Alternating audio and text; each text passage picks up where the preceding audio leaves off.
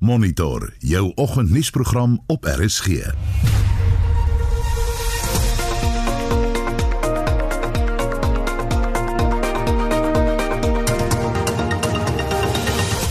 ons program gebrekkige dienslewering in Pretoria word 'n al groter probleem. Ons kyk nou 2, 3 maande wat ons in hierdie situasie sit. Die dienslewering amper tot 'n stilstand gekom. Gewone basiese dienste word eenvoudig net nie gelewer nie. Ek praat van kragonderbrekings wat nie uitgesorteer word nie. Mense wat vir dae sonder water is. Die DA vra dat die besteding van rampfondse in die landbou ondersoek moet word. Ons kry ook wye reaksie op president Cyril Ramaphosa se toespraak gisteraand waar tydens hy gesê het skole sal gesluit word. Schools will be closed from the 27th July and will reopen on the 24th of August. There are, however, some exceptions. Grade 12 learners and teachers will only take a one week break. En die Boeing 747 maak sy finale buiging. Ons praat in diepte oor die impak wat die straler op kommersiële lugvaart gehad het. Goeiemôre, ek is Anita Visser. Baie welkom by Monitor.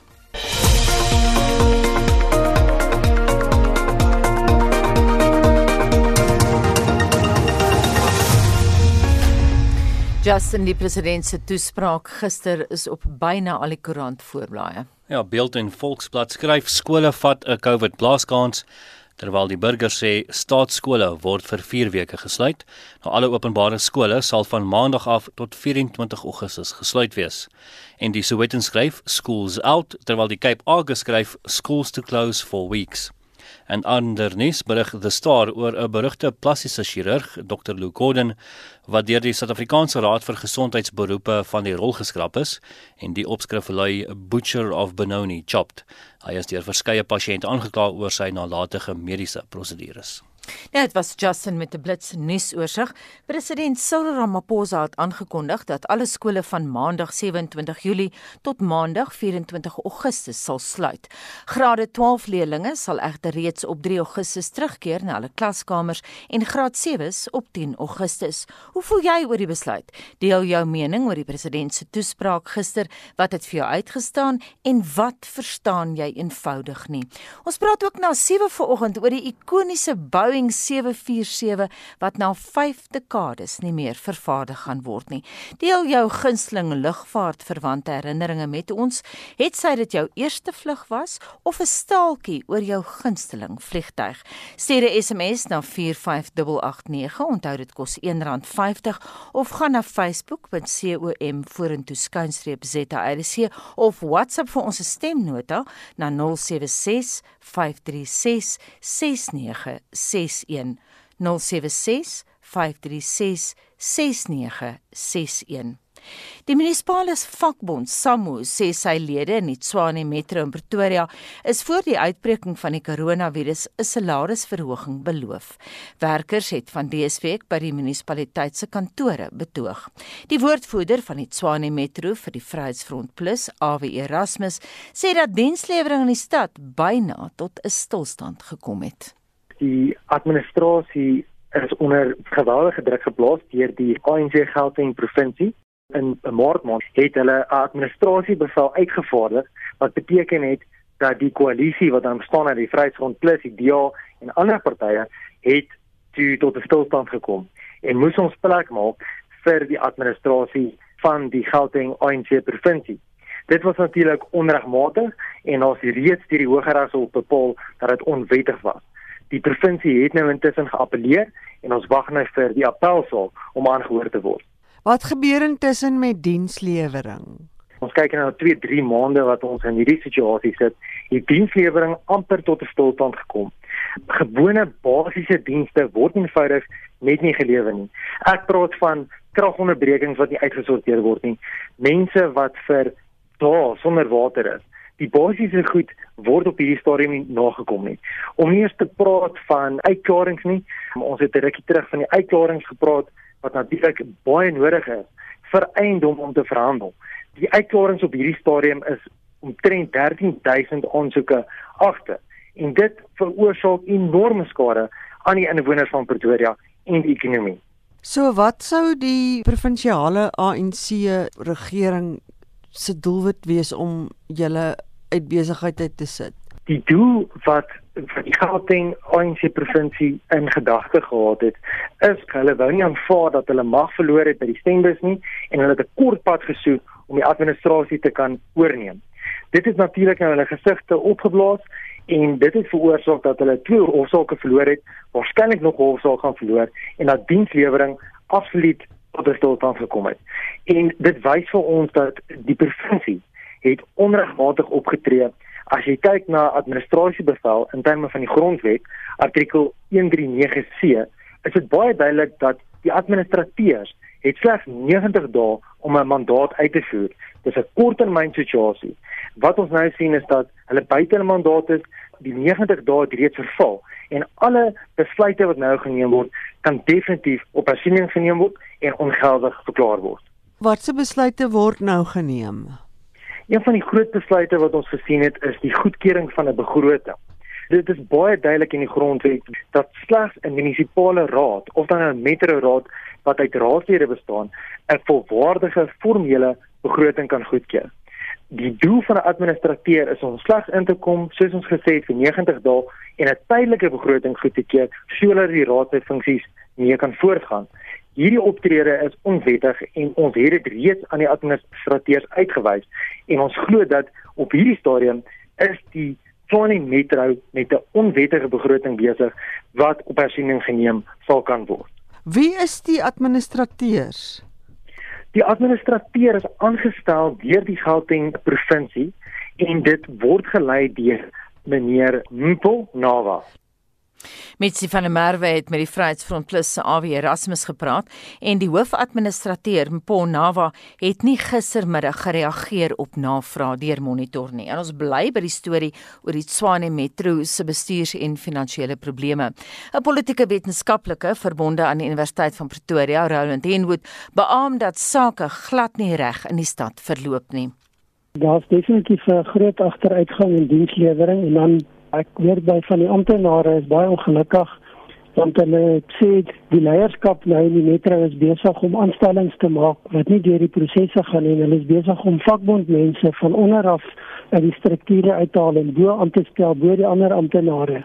En uh, dit gaan natuurlik op die langtermyn nog meer onstabiliteit en ontevredenheid skep. En die persoon met wie ek gepraat het is 'n ANC ondersteuner wat sê maar dis onaanvaarbaar. Hy sê wat hulle doen is hulle stel na shop stewards aan in poste want op die lang duur dink hulle dit gaan in hulle belang wees. Dit skep baie ontevredenheid by die ander mense. Dit lyk my dat die kiesers of die mense wat die dienste moet kry is nie 'n faktor nie. Ja, ek dink die politieke oorwegings op die stadium is belangriker vir die ANC en Tshwane as wat die regeringsfunksie is. Ek meen die situasie is baie eenvoudig dat daar op die stadium soos wat ek dit verstaan is daar 'n grondwetlike vakuum. En dis sê dat die aanstelling wat gemaak is deur die provinsie is onwettig verklaar of appel aangeteken is weer onwettig verklaar dis nou om die stad onder administrasie te plaas en die ANC het nou weer gaan appeleer nou niemand weet hoe lank dit gaan vat nie intussen is die 90 dae tydperk wat die administrasie in plek moet wees is verby en die DA se argument nou is dat jy eintlik dan nou 'n onwettige stelsel het want dan ten minste 'n verkiesing alreeds gewees het. Dit is onduidelik wat gebeur. Maar ek dink wat mense met sekerheid kan sê is dat dienslewering in Tshwane het agteruit gegaan. Daar's definitief groot probleme, daar's definitief ontevredenheid van verskillende kante af binne die geleedere van die werknemers van die Tshwane Metro. En ons het nou gesien die gebeure met SAMU wat salarisverhogings eis. Daar's baie bespiegelinge rondom die stand van finansies en daar is 'n begroting aanvaar. Daai begroting is nie met die mense van Tshwane bespreek of ingelig nie. Dit word eenvoudig gepubliseer en daar's redelike stywe tariefverhogings ingebou in daai begroting. En dan natuurlik is dit 'n begroting wat 'n geweldige groot tekort ingebou het. So mense sal net sien hoe dit hanteer word. Die verdediging wat mense kry telkens is dat die DA het 'n korrupte administrasie agtergelaat. Maar dit begin tog al hoe meer lyk like asof die ANC dit eenvoudig nie wil hê die DA moet aan bewind wees wanneer die volgende verkiesing plaasvind nie, want dit kan dalk die ANC onder druk plaas en asof hulle enigiets gaan doen om dit te verhoed. Intussen lyk dit nie asof die lot van die mense in die Tshwane streek eintlik baie belangrik is vir die besluitnemers nie. En daai mening uitgespreek deur Roland Henwood, politieke ontleder aan die Universiteit van Pretoria en hy het met Mitsi van der Merwe gepraat. Jy luister na Monitor dis 621 en die sakeverslag word nou aangebied deur Nelis Brink van PSC Wealth R21 in Pretoria en op Stellenbosch. Goeiemôre Nelis. Môre Anita. Die wêreldmarkte draai almal negatief na 'n onverwagte opflikkering in die Amerikaanse werkloosheidseise wat dui op 'n afname in die wêreld se grootste ekonomie. Die val is natuurlik gelei deur tegnologiese aandele wat al die wins vir die week gisterand uitgewis het. Die Dow Jones in die rooi met -1,3%, die S&P in die rooi met -1,2% en die Nasdaq ver in die rooi met -2,3%. Die toppresteerder gister natuurlik Cisco Systems 1% op, verloorders albei oor die 4% af, Apple en Microsoft in die Verenigde Koninkryk en ook in Europa maar 'n baie sywaartse dag gewees met die FTSE 100 0,07 op en die DAX 0,01 af. Suid-Afrika is in groen getrek deur die mynbou sektor, maar het 'n moeilike dag wat voorlê. Die alle aandele indeks groen op 0,42%. Top presteerder daar weer Harmony Gold op 6.4% op en die verloorder Sun International met -6,3 met totaal okupasie wat na 0% toe neig weens die inperking wat hulle 119 dae lank duur. Die ooste het ook 'n baie harde hou gevat met die Hang Seng in die rooi op -1,8%. Japan steeds toe vir vakansie vandag en Australië se ASX 200 in die rooi met -1,2%. In kommoditeite is goud effe hoër teen 1887 dollar per fyn ons platinum effe af op 912 dollar per ons. Brent 3 olie stabiel op 43 dollar 48 sent per vat en dan gaan ons oor na wisselkoerse. Daarom 'n bietjie goeie nuus vir die verbruiker, die Suid-Afrikaanse Reserwebank het gister op hulle vergadering besluit om die rentekoers verder te sny met 0,25%. Dit sit ons huidige repo koers op 3,5%, ons prima koers op 7%. Dit sal die laagste koers wees sedert 1966. Dit wil sê die laagste koers in 54 jaar. Dit het 'n effe verswakking in die rand veroorsaak. Die rand dollar is R16.67, rand euro 19.35 en die rand pond 21.24. Die dollar euro stabiel teen 1.16. Ek hoop julle het 'n wonderlike naweek en onthou tyd in die mark kweek sukses. Dankie Anita. Dankie dit dan die sakeverslag aangebied deur Nelis Brink van PSC Wealth R21 in Pretoria en op Stellenbosch. Jy luister na Monitor elke weekoggend tussen 6 en 8. Dis nou 6:24 en dit lyk my ons het hier 'n klein probleem, lyk my die skerm het afgegaan my rekenaarie, maar nou sy weer aan. Die DA se skademinister vir landbou Anet Stein het gister die ouditeur-generaal Kemi Makweto versoek om ondersoek in te stel na die besteding van 6 miljard rand wat die afgelope 2 jaar beskikbaar gestel is vir droogteverligting. Ons praat nou met haar hieroor. Goeiemôre Anet. Goeiemôre aan die kant, goeiemôre aan die luisteraars. Vertel ons bietjie oor watter inligting jy alles het. Ja, dit is juist die probleem, ons het nie inligting nie. Ehm um, ons weet dat gedurende 2018-19 droogte en ek dink mense het al amper weer vergeet daarvan in die stadium wat uh, die stad Kaapstad so sonder water was en dat ons gesê het dit jy weet hulle gaan sonder water raak. Het die regering in daai jaar ook 'n nasionale rampdroogte aangekondig en vir die land en 6 miljard rand beskikbaar gestel wat onder verskillende provinsies uh, versprei sou word vir sekere uh, infrastruktuurontwikkeling sowel as vir die landbougemeenskap um, om te help in die droogte tyd.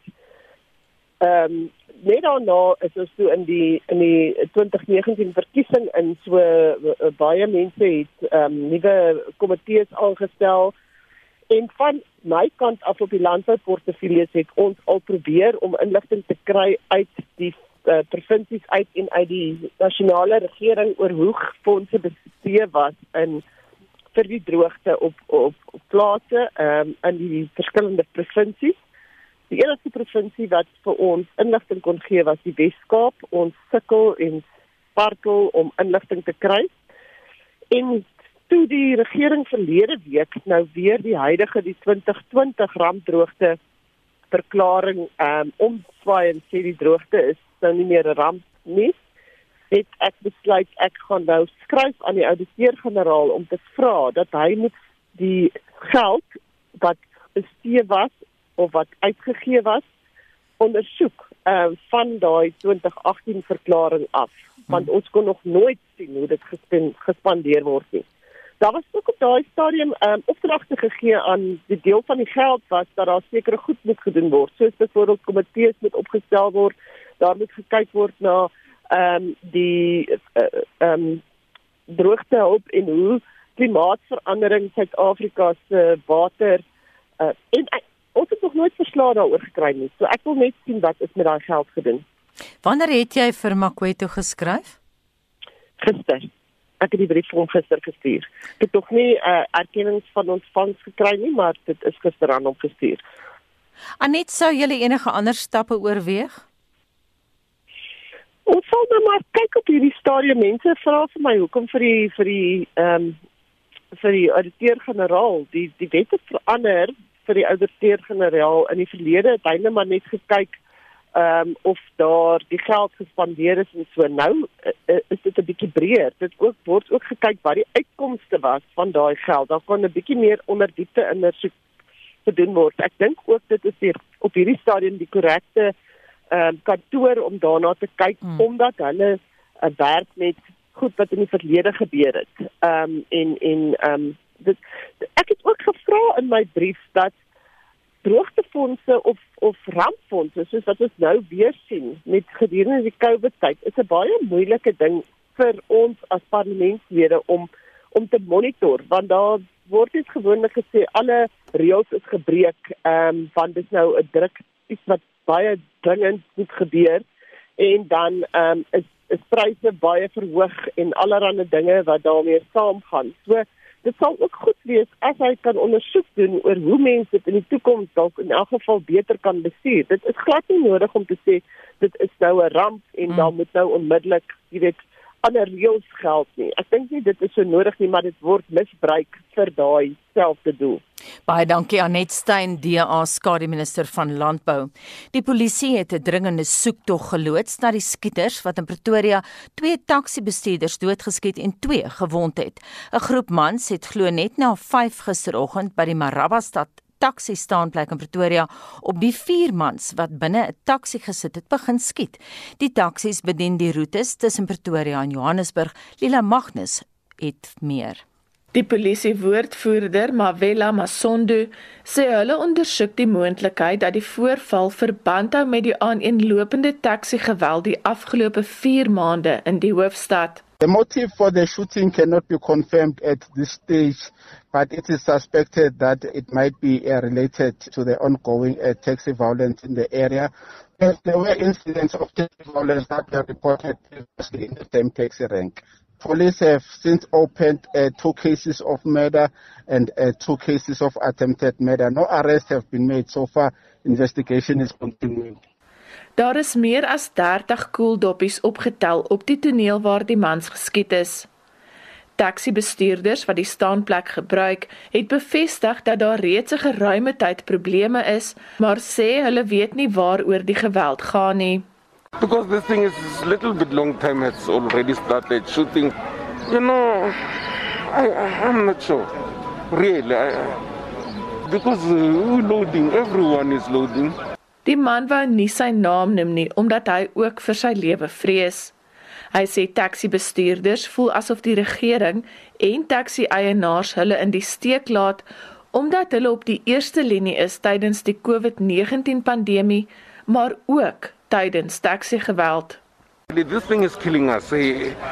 For an example, these people who are dead now, maybe he doesn't have even 50 rand in the bank.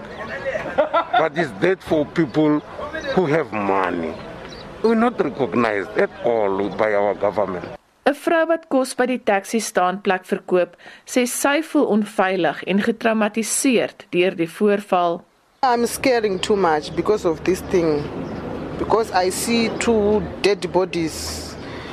Ah, me I'm very very scary. Ah, it's not right. I'm work every day. I'm here every day but yes. Like today is not right. Today is a bad day to me. It's very bad. I feel bad, bad, bad, but uh, even to work today, huh, I can't work nicely today. Plaaslike taxi-verenigings het nie op versoeke vir onderhoude reageer nie. Ek is Lila Magnus vir SAIK nuus in Pretoria. Jy luister na Monitor elke weekoggend tussen 6 en 8. 6:31 en in monitor ons kyk na waarom die Reserwebank die rentekoers met 25 basispunte gesny het. En dan ontleed monitor verskeie aspekte van president Cyril Ramaphosa se toespraak gister. Bly by ons.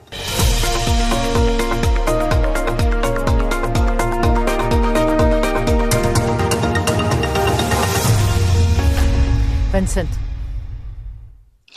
begin met ons Facebook um, kommentaar Maria Lise Visser sê wonder wie gaan die graad 7s ontvang want 10 Augustus is 'n vakansiedag en dan sê Barbara Hagen Palfi ehm um, sy reageer eintlik op Maria Visser se se boodskap en sê stil bly is seker nou die beste.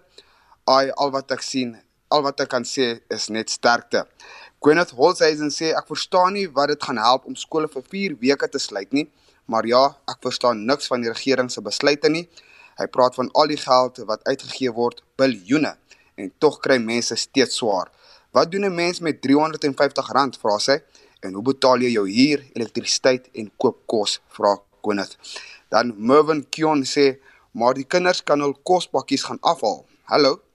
Is Gwyneth is Mervin se reaksie en dan sê Marius, Marius, ek gaan eerder wors kook en minsbraai want dit maak meer sin.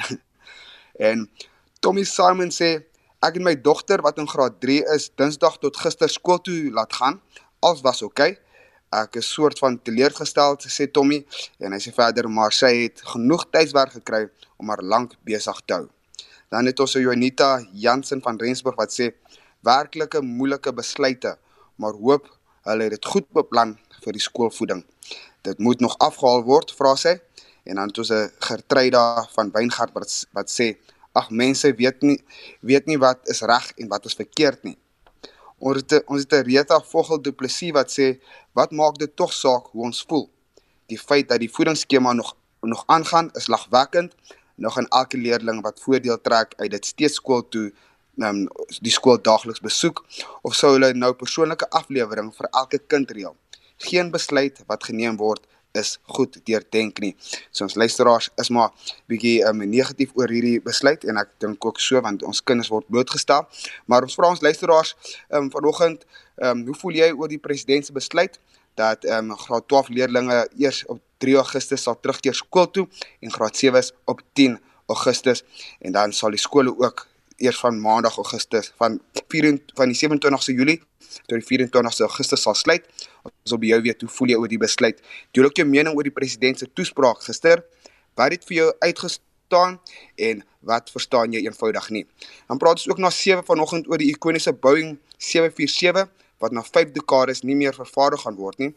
Ons wil hê jy moet jou gunsteling um, lugvaart ervaring met ons deel. En net sê dat jou eerste vlug was of 'n staaltjie oor die gunsteling vliegtyg is. Stuur vir ons SMS na 45889 Onthou dit kos R1.50 per SMS of gesels saam op facebook.com vorentoe skynstreep ZRSG en jy kan ook 'n stemnota stuur deur ons WhatsApp lyn en hou daai stemnota so 30 sekondes lank. Die nommer is 076 536 6961. Ek herhaal hom 076 536 6961. En van Vincent na Shaun Jooste wat reg sit met jou Vrydagoggend sportnuus. Ons val weg met perderesies nuus. Die 124ste weergawe van die Durban July, Afrika se grootste en gewildste perderesies vind môre by Greyville in Durban plaas. Die byeenkoms sal ongelukkig vir die eerste keer in sy geskiedenis weens die koronaviruspandemie sonder toeskouers plaasvind.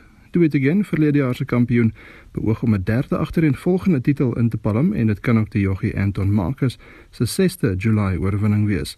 Rainbow Bridge is weer een van die gunstelinge. Die hoofreisies begin die middag kort na 3 en totale prysgeld beloop 4.25 miljoen rand. Kriket. Die derde en beslissende toets tussen Engeland en die Wes-Indiese eilande begin vanmiddag 12:00 op Old Trafford in Manchester. Joe Root en Jason Holder is die twee kapteins. Die Windies kan hulle eerste toetsreeks in Engeland sedert 1988 wen en Engeland sal hulle 'n goeie tuisrekord teen die Windies graag wil bou. Golfnuus. Die plaaslike Richie Werenski op 8 onder is die voorloper na die eerste ronde van die 3M Ope in Minnesota. Charles Schwartzel vaar die beste onder die Suid-Afrikaners en is gesamentlik 10de op 5 onder. Die Italiaaner Renato Paratore op 11 onder het die voortou na die tweede ronde van die Britse Meesterstoernooi in Engeland geneem en Suid-Afrika se Justin Harding is gesamentlik tweede op 10 onder. Sokker. Die Engelse Premier Liga seisoen kom Sondag tot 'n einde. Van die groter kragmetings sluit in Chelsea teen Wolves, Leicester City teen Manchester United, Newcastle United teen Liverpool en Southampton teen Sheffield United. Die wedstryde skop die middag 5uur af. In die Serie A in Italië speel AC Milan vanaand kwart voor 10 teen Atalanta, Genoa môre aand half 8 teen Inter Milan, Verona Sondag aand half 8 teen Lazio en Juventus kwart voor 10 teen Sampdoria. Op die rugbyveld in Nieu-Seeland se Aotearoa, het die Crusaders môreoggend net na 9 in Christchurch teen die Hurricanes en die Blues sonoggend 5:35 in Auckland teen die Chiefs kragte. In Australië se plaaslike Super Rugby reeks kom die Rebels net na 11 in Melbourne teen die Waratahs en die Western Force môreoggend kort na 11 in Perth teen die Brumbies te staan. En laastens op die renbaan word die tweede wedren van die 2020 MotoGP seisoen Sondag in Jerez in Spanje gejaag. Onthou dit is die Suid-Afrikaner Brad Binder se debuut MotoGP seisoen. Shaun Schuster, SAK Sport. Die president van die Reservebank, Lesetja Ganyago, het gister aangekondig dat die rentekoers met 25 basispunte verlaag gaan word tot 3,25%. Die verlaging tree vandag in werking. En ons praat nou met die hoofekonoom by die Rand Akse Bank, Etienne Leroux. Môre Etienne. Goeiemôre Anita. Het jy die verlaging verwag? Ehm um, ja, ons het Anita, so saam met 'n paar ander ekonome was ons daarom hierdie ronde in die kol gewees. Nou die uitleenkoers is vanjaar reeds met 300 basispunte gesny. Watter verskil maak dit aan die ekonomie? Ehm um, ja, Anita, in 'n historiese konteks gesien, ehm um, moet ons ook net besef dat 300 basispunte is baie ek dink dit is ook verblydend um, dat die Reservebank rentekoerse in hierdie ronde so vinnig gesny het en dit is natuurlik presies wat hulle ehm um, na my mening moes doen in die konteks van um, COVID-19. Ehm um, gaan dit 'n verskil maak? Ehm um, nee, beslis gaan dit 'n verskil maak. Ehm um, onthou ons moet weet dat in Suid-Afrika is daar baie meer mense wat skuld het as wat byvoorbeeld afhanklik is van rente. Mm. Ehm um, as 'n inkomste. So daar gaan beslis ehm um, finansiële verligting wees vir baie mense. En as daai geld dan nou teruggeploeg word in die ekonomie, ehm um, en ander goederes word gekoop, is dit goed. En lae rentekoerse behoort dan ook ehm um, nuwe skuld aan te wakker onder verbruikers en maatskappye.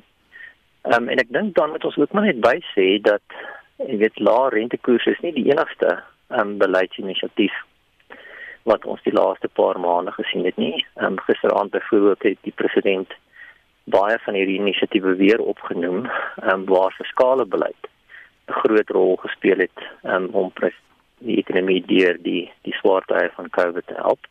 En ek dink in kombinasie gesien, um, is dit ons beste poging om die ekonomie uh, te gee tussen monetêre beleid en fiskale beleid verslag. Etienne mens sien natuurlik hierdie tendens wêreldwyd. Nee, dit is presies so. So in hierdie geval is ons duidelik nie die uitsondering nie. En ek sou argumenteer dis presies wat ons moet doen en miskien is daar selfs in my opinie ruimte byvoorbeeld aan die Reservebank se kant um, om koerse bietjie verder te sny. En wanneer kan ons weer 'n stygings in die rentekoerse verwag? Ehm um, Anita, ek dink nie daar moet ons te bekommerd te wees nie. Die die goewerneur het homself 'n paar keer herhaal um, om die punt te maak dat jy weet gegee hoe pap die ekonomie is en dat die ekonomie gaan ook nie baie vinnig herstel nie en die herstel gaan ook nie baie sterk wees nie. So in daai konteks behoort inflasie regtig nie 'n probleem te wees oor die medium tot langer termyn nie. So die goewerneur het hom 'n paar keer uitgespreek deur te sê dat inflasie behoort um, redelik stabiel te bly selfs miskien minder as die die middel punt van die 3 tot 6% teikenband. So inflasie hier rondom 4.5 bly vir die volgende jaar, 2 jaar. dan hoef ons glad nie bekommerd te wees dat rentekoerse ehm um, enigstens binnekort gaan styg nie. En ek dink dit sal 'n goeie uitkoms wees vir die ekonomie. Rentekoerse het nou baie geval en as rentekoerse op die lae vlakke kan bly vir 'n geruime tyd, sal dit nodige stabiliteit bring sover as wat ons rentekoers siklusse ingaan. Baie lekker vir ons wat ons huise afbetaal nog, né? Inderdaad. Baie dankie en so sê Etienne Leroux hoofekonoom. Wou jy nog iets gesê het Etienne? Dit lyk my Etienne uh, is van die lyn af dat dit was Etienne Leroux, die hoofekonoom van die Rand Aksepbank. President Cyril Ramaphosa het gisteraand aangekondig dat alle skole van Maandag 27 Julie tot Maandag 24 Augustus sal sluit. Grade 12 leerders sal egter reeds op 3 Augustus terugkeer na die klaskamer. Ramaphosa het ook in sy boodskap aan sy landgenote gesê dat 36 klagte ondersoek word wat met korrupsie tydens die COVID-19 inperking verband hou. Ramaphosa sê 9 staatsinstellings insluitend die spesiale ondersoekeenheid en die veiligheids sta, staatsveiligheidsagentskap is nader getrek om die saak te ondersoek. Vir sy kommentaar hierop praat ons nou met professor Dirk Kotse van Unisa se departement politieke wetenskap. Môre Dirk. Goeiemôre Anita. Wat was jou algemene indruk van die president se toespraak gister? Wel, dit was ek dink baie gefokus geweest gestaan. Ehm um, dit was ook aangestel op wat op hierdie stadium waar die skole is een van die mees van die brandende punte um, waar daar groot meningsverskil is um, en hy het probeer om van hierdie verskille bymekaar by te bring um, hoewel ek dink daar gaan nog steeds uiteenlopende standpunte wees oor wat sy aankondiging gisterand was Dirk, waarom het hy nie die aankondiging oor die skole spesifiek aan sy minister oorgelaat nie, aan Angie, Angie Motshega? Ek dink wat hy doen is as hierdie tipe van toesprake en ek dink dis nou omtrent die 6de of die 7de daarvan. Het dit begin het in in laat in Maart. Um, 'n sy manier van kommunikeer met die Suid-Afrikaanse publiek in die algemeen. Um, en daar was in die verlede was daar heel wat kere uh oproepe gewees dat hy dit meer moet doen en dat hy meer in kontak met die publiek in die algemeen moet wees. Um en ek dink wat hy nou probeer het is is dat as dit van hom kom het dit natuurlik 'n hoër status. Daar's meer gesag by die betrokke as wanneer dit 'n minister is. Um, en veral as daar moet gepraat moet word um, met die vakbonde en in hierdie geval is dit 'n saak wat wat die vakbonde baie draak. Ehm um, is dit gewoonlik dit as hy dit aankondig, dan is dit is dan net nie gesag by betrokke. Ons het vroeër die week op monitor het ons gesels met 'n medisy onder andere Dr Angelique Kutse. Hulle is nou sy is deel van 'n paneel wat die regering adviseer oor mediese sake rakend COVID-19 en sy het eenvoudig vir ons gesê tesame met professor François Venter van Wits wat ook op die paneel dien dat die regering eenvoudig nie na hulle raad luister nie. En daar is ook klagtes dat die president swyg onder druk van die vakbonde. Daar's klagtes byvoorbeeld byvoorbeeld dat die taxi bedryf te veel mag het en dat hulle eintlik die beleid bestuur. Wat is jou gevoel? Wat is jou lees van die situasie? Ek dink dit is presies wat jy nou sê. Um, al die verskillende goed waarna jy verwys is verskillende belange wat tipies is van hoe 'n regering moet besluite neem. Is dit dat dit is nie net een bron wat gevolg kan word of een belange se 'n standpunt wat gevolg en geakkommodeer kan word nie. Daar's baie dikwels in die meeste gevalle is daar kompeterende of selfs botsende belange wat bespreek is of, of uiteenlopende belange wat bespreek is. En die kuns van regering is hoe om 'n punt te bereik waar jy die meeste van hierdie belange kan akkommodeer maar sonder om te probeer om alles te te akkommodeer. Ehm um, dit is in die meeste gevalle bloot net nie moontlik nie. En ek dink wat wat ons hier sien al hierdie besluite sedert omtrent April oor die afgradering van ehm um, die risikovlakke van die van die bestuur van die pandemie. Ehm um, het het hierdie probleem gehad en dit is hoekom dit dit was baie makliker om dit te implementeer as om dit uit te faseer. En dit wat ons wêreldwyd sien wat die geval is. Um, in Europese lande is dit presies dieselfde wat nou moet gebeur plek soos Australië is al besig om dit herin te stel op sommige vlakke en nou hier by ons dieselfde. Um, En aan die een kant is gesondheidsoorwegings, aan die ander kant is ekonomiese oorwegings, aan die ander kant is daar die persepsies van die publiek oor wat is die vlak van van risiko om net buite rond te beweeg of kinders te skool toe te stuur. Dit alles moet geakkommodeer word. Um, en dit is hoekom hierdie besluit oor die algemeen ehm um, soms dit was uh, uh, kontroversieel is of daar kritiek teenoor is omdat dit weet net al nie al die belange kan akkommodeer nie. Ek wil weer terugkom na daai gesprek op Monitor vroeër die week. Ons het baie reaksie van luisteraars daarop gehad. Dit was 'n gesprek met Dr. Angelique Kutse, sy is die voorsitter van die mediese ehm um, raad en professor François Venter van Wits Universiteit en hulle het 'n interessante ding gesê Dirk. Hulle het gesê hulle voel hulle het goeie kommunikasie met die minister, met die minister van gesondheid Mkhize. Daar's nie 'n probleem nie. Maar hulle het gesê hulle voel dat die inligting wat hulle deurgee, praktiese goeie raad het hulle nou gesê. Die kom nie deur van die minister af soos wat Angelique gesê het na hoor op in die ANC nie. So ons dis dis dis nie nie ANC wat dit te sprake is, dis nie die regering. Ja. En uiteindelik is dit in die um, bevelsraad en dit gaan terug uiteindelik na die kabinet toe. Ek is soos ek verstaan, die kabinet letterlik en hulle kom baie dikwels vergader die kabinet hier staan um, per uh, virtuele byeenkomste. Is hulle die wat uiteindelik besluit neem en dis presies die punt wat ek maak. Is dat daar uh, dit is nie net een adviesbron of een bron van inligting um, of van van insette wat die deurslaggewende beleid voor is is uh, tot gevolg het nie omdat daar soveel verskillende belange is wat gespreek is. Mm. Um, en soos ek sê die belange het nie kan nie almal met mekaar versoen word nie. Sommige is wederzijds uitsluitend.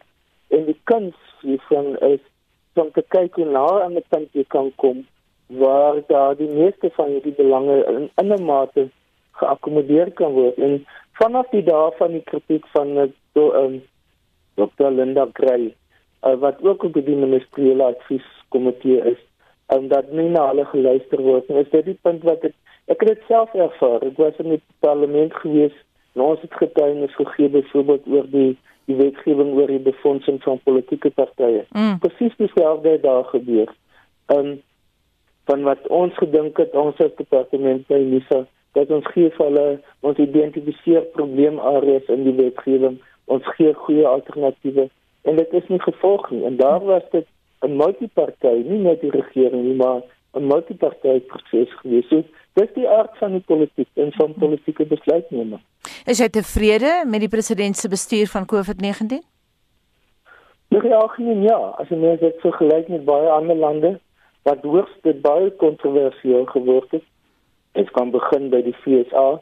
Ek kan kyk hoe die die probleme in Brasilië wat daar wat nou die tweede hoogste aantal het, die probleme in Indië, die in in Europa is dit in Brittanje was dit problematies geweest dat Boris Johnson baie baie teenstrydige uh, uitsprake gelewer het. Dit in lande soos soos Duitsland en ek ek wil nie New Zealand nie want hulle bevolking is hopeloos te klein. Dis mm. kleiner as Johannesburg se bevolking. So dit is nie dit is net nie bloot vergelykbaar met ander lande nie.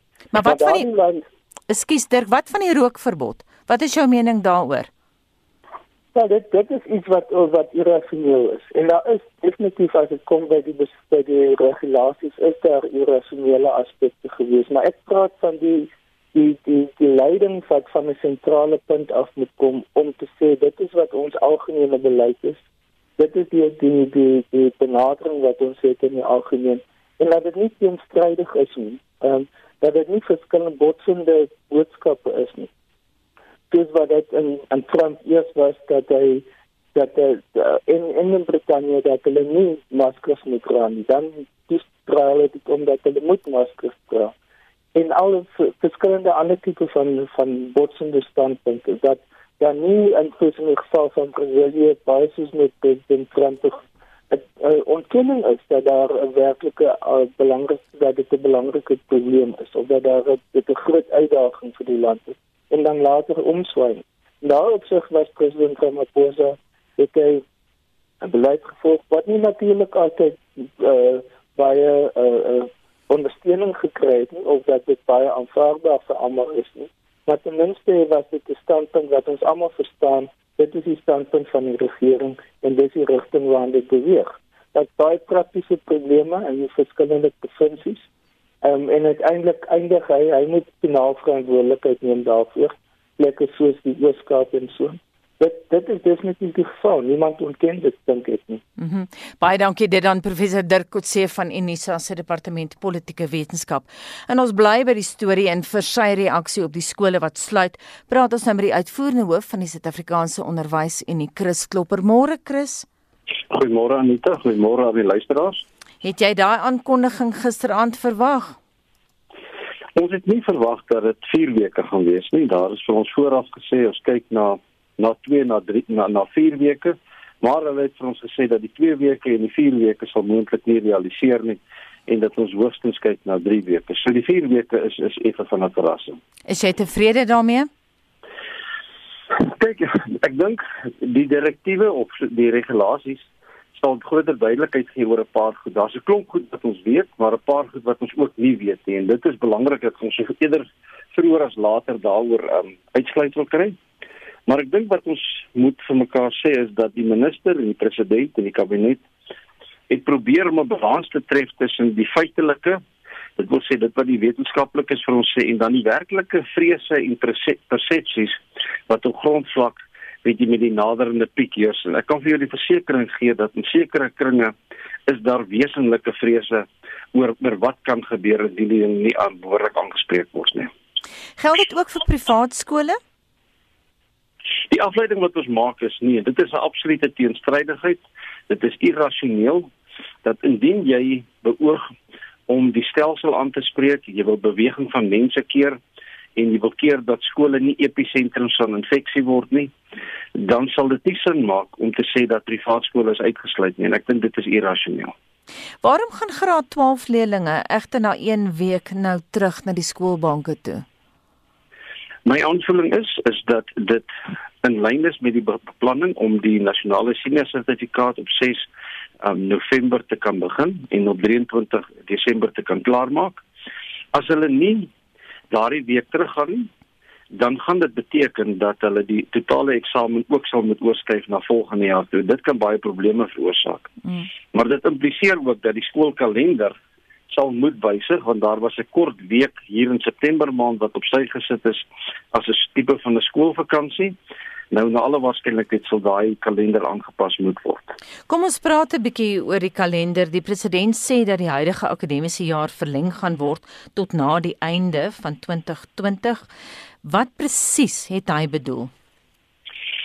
Ek dink wat hy bedoel is, ehm um, en dit is die afleiding wat ons het en ons het bietjie daaroor gepraat. Ehm um, en dit is dat dit op dieselfde basis gaan plaasvind as vir die universiteite. Dit het 'n paar praktiese implikasies as jy sê die skooljaar vloei oor na volgende jaar toe. Dit gee vir jou in die eerste plek genoeg tyd om 'n hele klomp van die kurrikulumverpligtinge na te kom. Maar dit het ook 'n probleem sien nou maar by die graad 8 en by die graad 1 wat met inskryf by skole. So die 2021 kalender sal ook aangepas moet word om voorsiening te maak vir 'n latere begin. En dan na alle waarskynlikheid sal daar aanpassings in die skoolvakansies vir die res van die jaar ook moet plaasvind. En na alle waarskynlikheid sal ons ook weer kyk na volgende jaar na 'n later sluiting as wat tradisioneel die geval is. Chris, jy het nou al verskeie kere op monitor vir my en vir Gustaf gesê dat jy 'n baie goeie werksverhouding het met minister Angie Motshega en so aan. Het jy gevoel dat genoeg van julle insette word wel na geluister in terme van wat die president aangekondig het? Daar is definitief 'n paar wat ons sien wat in die media verklaringe verskyn en kom ek noem vir jou in die eerste plek dat ehm um, daar is vir ons gesê ons het vir hulle gesê dat ons al die grootste mate van autonomie moet kan gee aan skoolhoofde en skoolbestuurspanne sodat hulle met die met die lig tot hulle beskikking en die, en die heersende omstandighede by skole weet jy dit kan kan implementeer. Ons het ook aangedui dat dit sal onbillik wees om te verwag dat alles sal moet staak en dat skole nie sal kan aangaan met sien maar met afstandsonderrig of aanlyn programme nie. En veral die afstandsonderrigmodelle is belangrik en ons sien dit is dat daarin dat dit daarin vervat word. Ons het ook aangedui dat kinders is absoluut uitgeput Um veral die graad 12s en die graad 7s wat nou al vir 90 dae aan een skool gaan sonder 'n onderbreking. Daar is van die skole wat vanaf Maart maand 100% weet jy aan aanlyn uh, werk en die ouens werk regte harder. So ons het al daai goed het ons gesien. Ons het ook gevra dat daar spesiale aandag aan die graad 12 gegee word en dat ons alles moontlik moet doen om die nasionale senior sertifikate moet beskerm en ons sien ook dit dit word gereflekteer in die um, en dit wat bekend gemaak is. Chris, uh, net laasens, wat het die president gemis? Wat sou jy graag wou hoor gisterand? Waar moes hy meer aandag gee? Wel, ek dink ons sou graag wou gehad het dat daar duidelikheid moet gewees het oor die hele beginsel van hoe die naskoolsentra by skole en ook die voorskoolse sentra by skole hanteer moet word. Hoekom is dit belangrik? Ons het werkende ouers wat bitter graag um, behoorlike toesig vir hulle kinders wil verseker om na dit te kyk en dit is 'n aspek wat wat nie aangespreek word nie. Dan die ander belangrike een is is dat ehm um, indien hulle sê dat een van die hoofmotiverende redes is vir die sluiting van skole is om die beskermende toerusting aan skole in ten minste sewe provinsies te kan voorsien. Sou ons graag gehad het dan moet 'n duidelike uitspraak wees om te sê daardie leemtes gaan nou aangespreek word. Uh mhm. -huh. Daar is wesenlike tekorte in van die landelike provinsies. Daar's van daai skole wat nou nog nie begin het nie, daar's van hulle wat nou nog nie lopende water het of enige vorm van water by skole nie. En dit was een van die groot redes was om vir die provinsies kans te gee om te konsolideer en voor te berei vir die volgende groep leerders wat terugkeer. Baie dankie dit aan Chris Klopper uitvoerende hoof van die Suid-Afrikaanse Onderwysunie. Kom ons luister wat ons luisteraars te sê het vanoggend.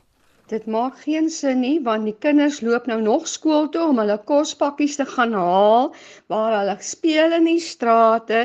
So ek kan nie die, dit verstaan nie. Die onderwysers gaan dorp toe. Hulle gaan na plekke toe. Hulle gaan sit by die oompie en eet kos of waar ook al en uh, kuier met hulle vriende. So hoekom kan almal nie maar skool toe gaan nie? Ons as ou uh, grootouers moet na die kleinkinders kyk. Ons is hoë risiko gevalle. Ons is nie meer in staat daartoe nie. Ek weet nie wat Ramaphosa besig is om te doen nie, maar hy is nou maar 'n marionet wat aan touwtjies hang, die vakbonde en almal doen wat hulle wil. Dit bring ons by 7 uur. Esai Kahnis, onafhanklik, onpartydig.